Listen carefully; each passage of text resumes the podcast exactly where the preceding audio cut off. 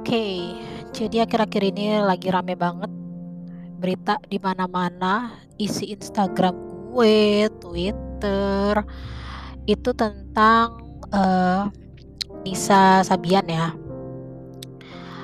Eee, gue di sini bukan mau menggosip, eee, tentang skandalnya dia sama si Ayus itu, enggak.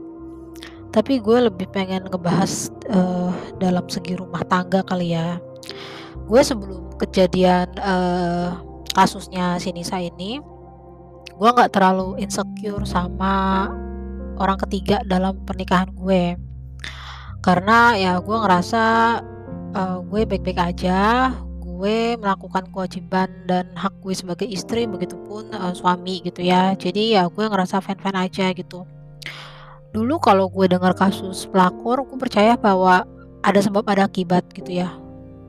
Walaupun ada orang yang bilang namanya orang selingkuh itu ya mau lo gimana juga kalau dia udah selingkuh ya selingkuh aja gitu. Tapi dulu tuh gue berpikir enggak gitu, pasti ada sebab akibat gitu ya. Seorang istri atau seorang suami beralih ke apa, mencari perhatian dari yang lain gitu ya, bukan pasangannya itu pasti ada something wrong juga nih sama pasangannya dia, kayak gitu. Setelah kasus itu muncul ya, dan ketika gue melihat si adik cowoknya ini melakukan wawancara ya dengan salah satu TV swasta, gue melihat dia sangat membela kakak iparnya, padahal itu ipar ya. Keluarganya juga sangat mendukung kakak iparnya, dan gue dengar cerita bahwa si istri sah ini sudah menemani laki-lakinya ini dari susah sampai sekarang berhasil. Dia juga ikut membantu perekonomian keluarga dengan jualan online dan lain-lain gitu. Dan dia juga udah memberikan keturunan ya. Dari situ gue ngeliat kayaknya ini kasus khusus nih, kasusnya beda nih. Dan bahwa benar sebaik apa pun istri sah perempuan gitu ya, itu masih bisa dihadapi oleh masalah adanya orang ketiga gitu. Di situ gue kayak tersadar, oh ini udah ada kasusnya nih seperti ini depan mata gitu ya. Istrinya cantik gitu kan dari foto-foto di Instagram gue juga ngeliat dia bisa merawat diri gitu loh nggak kalah lah nggak kalah cantik gitu dan dia terlihat begitu mencintai suaminya dia tipe yang memperlihatkan gitu ya kasih sayangnya. Contohnya gue ngeliat dia posting foto uh, yang dia edit gitu ya foto mereka berdua ketika tua gitu. Lu bayangin ketika lu ngedit foto sama pasangan lu terus lu edit lu menua bersama itu artinya dia pengen spend rest of her life itu sama orang itu. Segitu cintanya dia gitu loh sampai dia ngedit foto kayak gitu terus dia posting pula dan berdoa supaya dia bakal long lasting gitu sama nih orang. Ternyata enggak. Uh, nah di situ gue mulai agak-agak hmm, khawatir sedikit lah ya gitu. Apalagi uh, gue punya suami yang suka kerja keluar kota dan dalam jangka waktu yang lama gitu. Bukan cuma kayak dinas dua tiga hari terus pulang nggak itu bisa sampai sebulan dua bulan. Akhirnya gue nah kebetulan uh, ketika kasus ini ada suami gue tuh lagi keluar kota gitu. Jadi gue akhirnya gue telepon terus gue tanya kan denger kasus ini nggak? Dan dia nggak tahu. Jadi gue mesti ngejelasin dulu. Terus gue tanya komentarnya dia gimana dia kayak nggak ada komentar gitu. Padahal eh, tujuan gue bukan ngebahas gosipnya sih tapi lebih kayak uh, persoalan seperti ini tuh bisa menimpa setiap rumah tangga. Ya lu lihat sendirilah cowoknya itu terlihat bukan cowok-cowok yang nakal gitu ya maksud gue yang kelihatan dandan genit enggak gitu. Dan dia menciptakan lagu religi which berarti dia ya alim lah gitu bisa dibilang. Eh uh, ya gue diskusi lah sama suami gue gitu kan. Uh, ini salah satu ujian di rumah tangga yang mungkin dihadapi bonus kita juga akan menghadapinya suatu hari nanti gitu. Dan gue pribadi nih gue nggak nggak siap ketika hal-hal seperti itu mungkin menimpa gitu walaupun belum kejadian tapi gue pikir gue bisa nggak ya maafin kalau misalnya pasangan gue selingkuh gitu kan. Nah, akhirnya gue bilang sama suami gue kita diskusi bahwa manusia itu pas manusia itu uh, ladangnya hilaf bisa aja hilaf gitu. Makanya satu-satunya cara adalah menghindari. Jadi kalau lu udah nikah emang lu tuh mau nggak mau harus kontrol diri lu gitu ya. Ya gue tahu mungkin lu udah punya temen lawan jenis gitu ya udah temen sahabat dari lama segala macem. Oh, untungnya gue sama suami gue itu uh, suami gue tuh temennya kebanyakan cowok gue pun temen gue rata-rata kebanyakan cewek gitu ya. Untuk berteman sama lawan jenis itu gue agak jarang gitu. Jadi uh, gue tanya akhirnya gue setelah sekian lama ya gue gak pernah nanya. Sebelumnya gue tanya lu kerja di sana ada ini gak sih rekan kerja yang perempuan? Gitu. Ternyata nggak ada cowok semua uh, walaupun agak worry ya juga zaman sekarang. Uh, cowok sama cowok juga bisa terjadi affair gitu. Terus ya udah gue tanya uh, uh, apa karena nggak ada cewek uh, sekarang semuanya cowok ya? Terus gue juga kayak bilang sama dia bahwa satu-satunya cara adalah dengan menghindari gitu. Karena kalau udah kejadian udah kecemplung udah susah hindari dalam arti ya kalau di sana lu ada rekan kerja perempuan gitu ya. Lagi lu cuman ngobrol ngebahas tentang pekerjaan it's no problem gitu. Tapi kalau ibaratnya udah mulai pembicaraannya ke yang pribadi udah di luar konteks kerjaan mendingan jangan gitu. Dan ibaratnya kalaupun uh, cuman kayak makan bareng ya diusahakan ya cuma berdua harus bareng-bareng gitu. Jadi benar-benar harus ngejaga harus preventif gitu. Kita cuma bisa melakukan tindakan preventif gitu. Dan berdoa gue juga bilang sama dia kita jangan takabur jangan kayak wah enggak kita mah nggak bakalan kayak gitu enggak. Kita harus selalu uh, Bismillah selalu minta doa sama Allah supaya hubungan ini berjalan dengan baik gitu ya. Ya semoga bisa sampai dunia akhirat gitu loh jodohnya kayak gitu.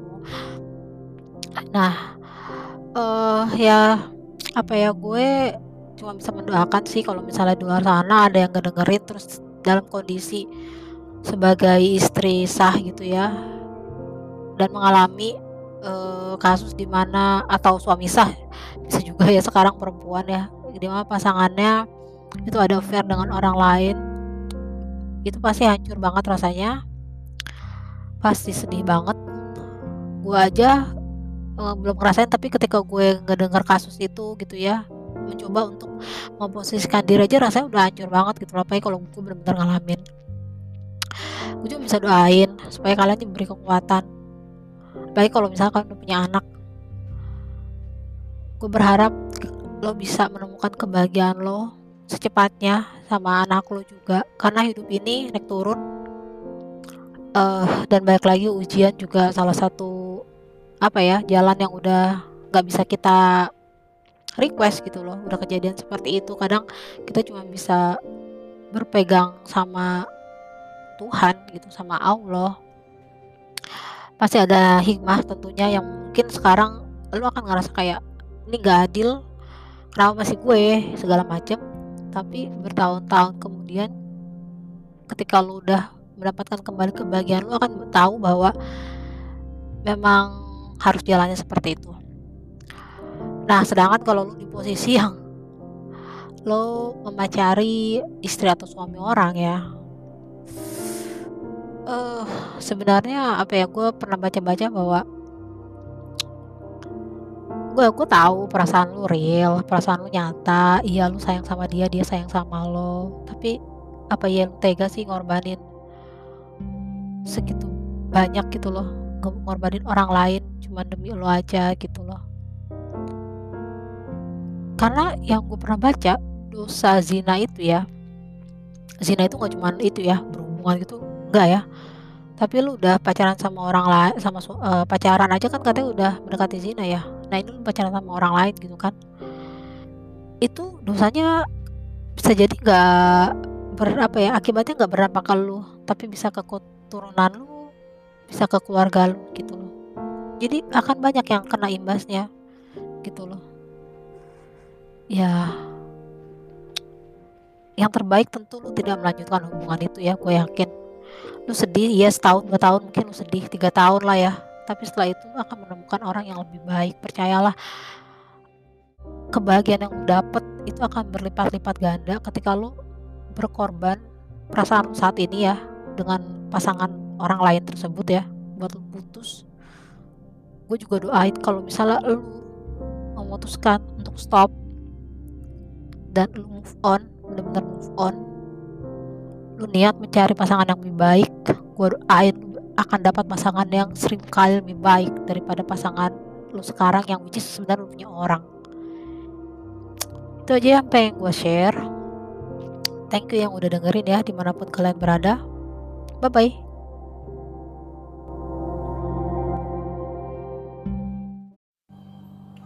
Halo, selamat sore. Gue lagi kerja dan sorry ya ini backsoundnya dangdut. Gue nggak tahu akhir-akhir ini. Pokoknya sejak gue nikah sama orang Jawa, gue jadi suka denger lagu-lagu Jawa gitu loh. Tapi kan kebanyakan sekarang lagu Jawa didangdutin ya. Aduh hari ini ada kejadian bikin gue kesel banget. Hmm.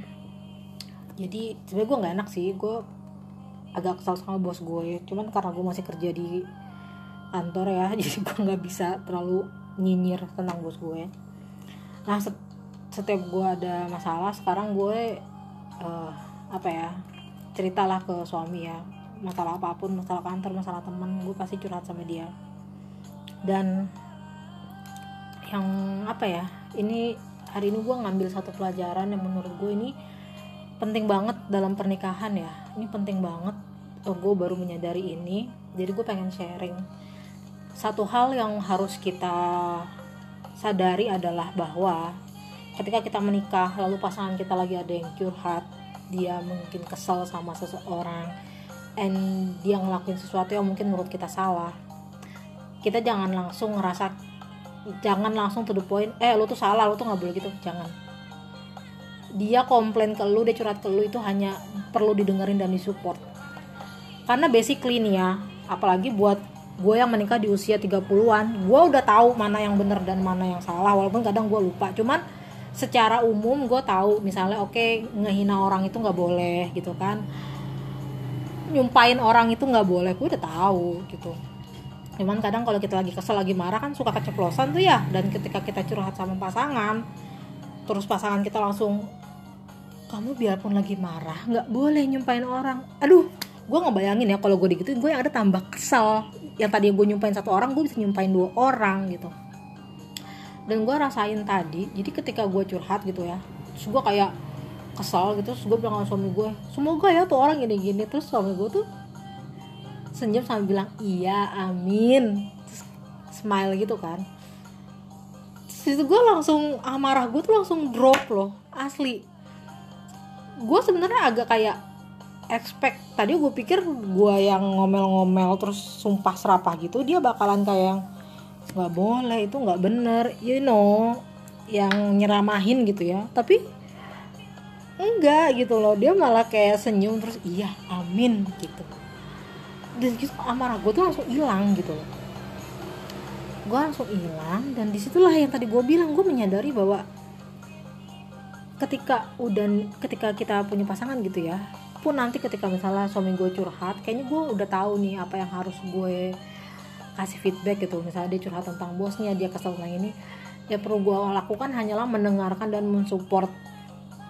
Misalnya dia kayak oh pokoknya tuh orang nyebelin banget sih gini gini iya ya nyebelin banget ya. Dengerin aja dulu gitu loh. Karena pada dasarnya pasangan lu sebenarnya tahu apa yang benar mana yang enggak gitu loh. Tapi lu di situ bukan buat ngoreksi kesalahannya dia enggak. Dia bisa mengoreksi kesalahannya dia sendiri gitu ya.